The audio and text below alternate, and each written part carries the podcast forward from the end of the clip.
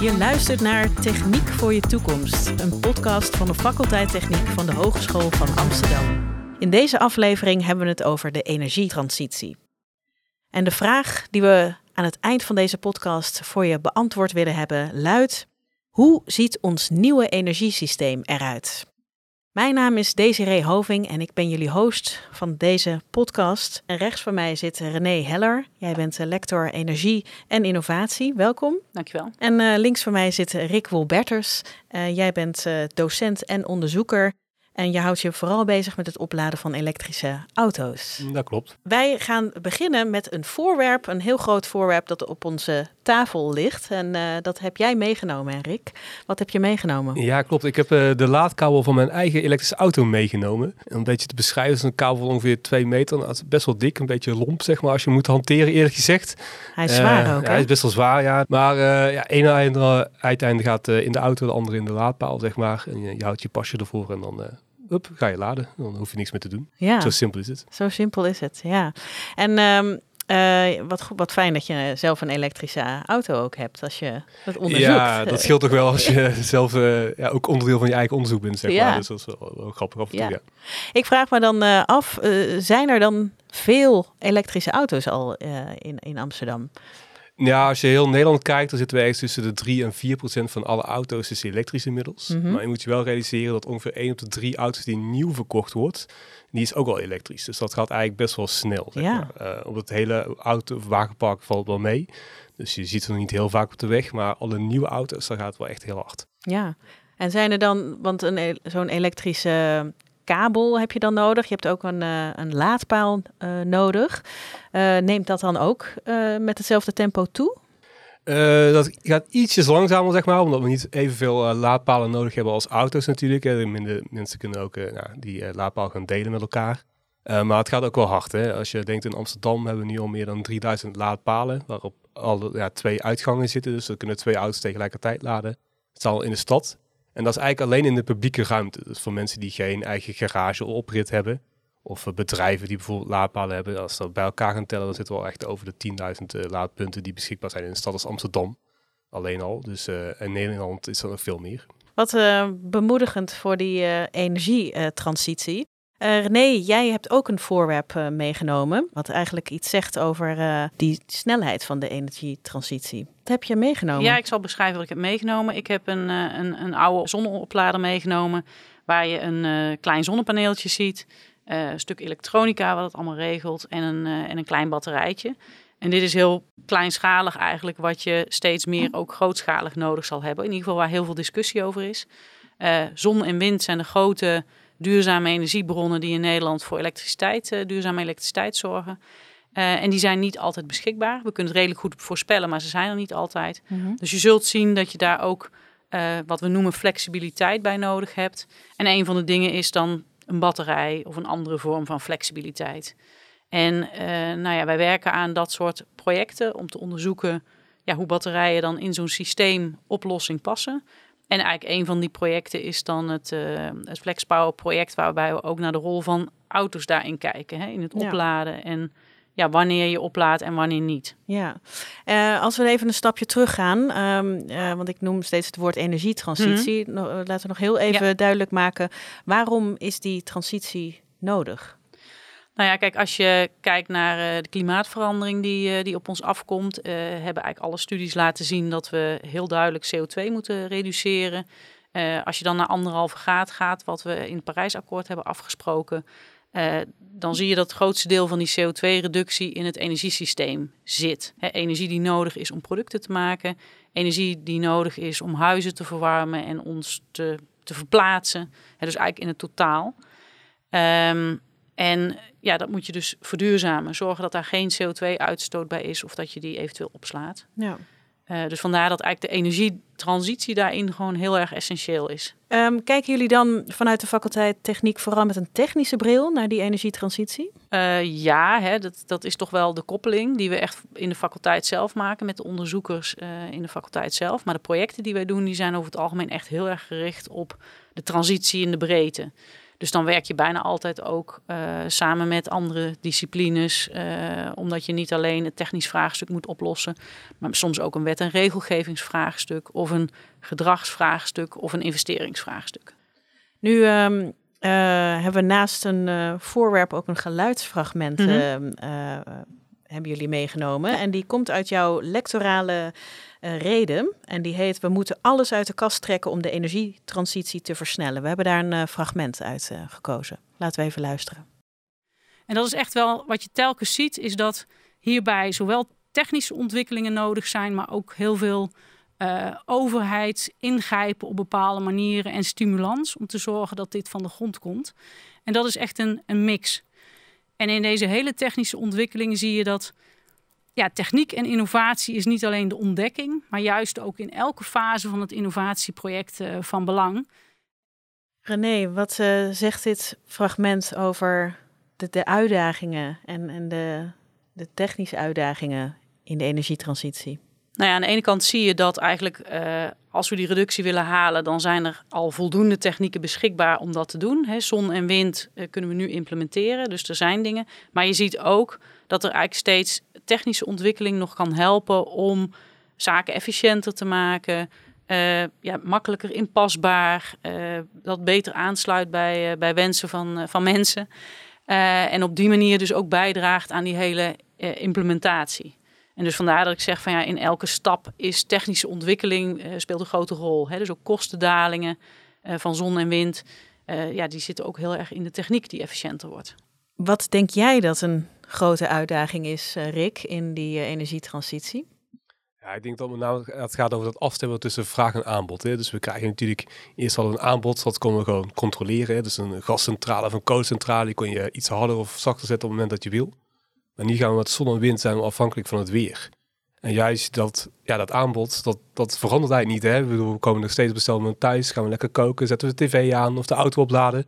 Maar ja, dat matcht niet altijd op het moment dat er uh, energie op weg is. En dat zijn eigenlijk denk ik wel de, ja, de grote uitdagingen voor de toekomst. Hoe gaan we dat nou met elkaar ja, af, afspreken, zeg maar. Ja, hoe gaan we dat doen? Ja, laten we gaan kijken hoe jullie dan werken aan die uitdagingen bij de Hogeschool van Amsterdam.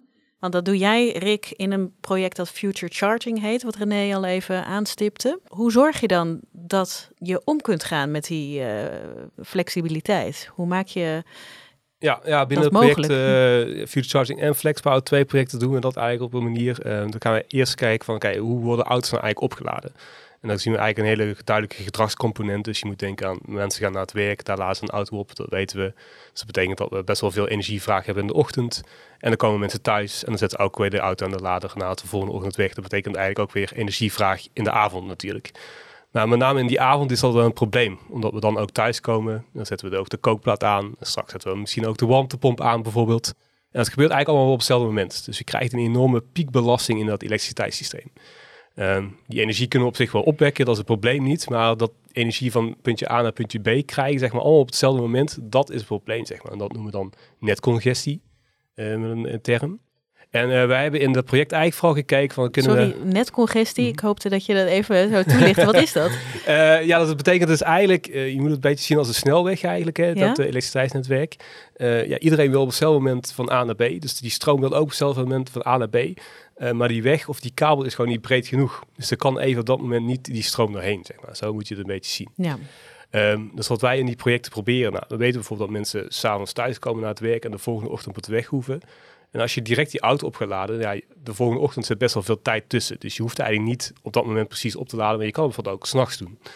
Dus als we dat stukje energievraag al naar een ander tijdstip kunnen verschuiven, nou, dat zou heel veel schelen voor die netcongestie. Omdat zo'n elektrische auto eigenlijk best wel veel stroom vraagt en dus ook veel vermogen vraagt. Dus om dat een beetje te kunnen verplaatsen, zou al heel veel helpen. En dat onderzoeken jullie hoe dat kan, hoe je dat uh, flexibel maakt. Dat ja, opladen. dus binnen projecten hebben we op een gegeven moment daar een concept voor bedacht, waar we eigenlijk een beetje op sociale manier daarmee omgaan. Hè. Dus op het moment dat er heel veel auto's tegelijkertijd laden, dan gaan we allemaal ietsjes langzamer laden. Uh, is het heel druk, of niet zo druk, of de, de zon schijnt bijvoorbeeld, er is heel veel energie lokaal beschikbaar, dan mogen we allemaal wat sneller gaan. En dat hebben we in het project eigenlijk gewoon in de praktijk getoetst. we hebben 60 laadpalen in Amsterdam, deed je aan dat project mee. Uh, dus we hebben gewoon gekeken van hoe gaat dat in de praktijk nou? Hoe ver kunnen we nou ook uh, die auto's uh, ja, iets langzamer laten laden?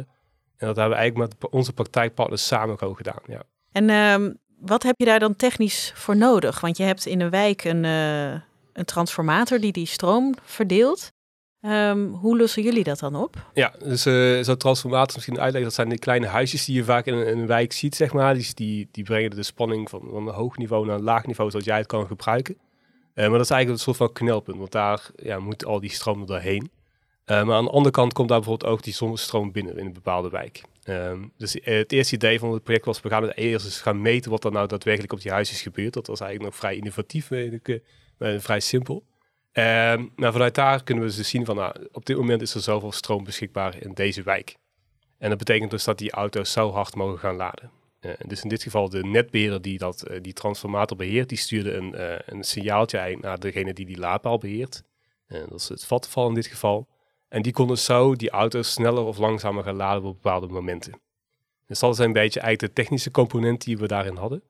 En aan de andere kant was die gedragscomponent van hoe gaan mensen dit nou ervaren eigenlijk ook heel erg belangrijk in dit project. Ik wilde eigenlijk iets horen over een slimme meter. Maar uh, ik, uh, ik, dacht, ik stuur daar een beetje naartoe. Ja, ja die, die, slimme meter die zit eigenlijk dus in dat transformatorhuisje, zeg maar. Uh, dus dat is een ah. beetje wat gebeurt. En ook in die ja. laadpaal zelf natuurlijk. Hè. Die, die, die laadpaal kan je een beetje snel of langer aan inzetten. Maar die slimme meter, zoals die ook bij jou thuis hangt, zeg maar, waar je ook je stroomverbruik kan meten.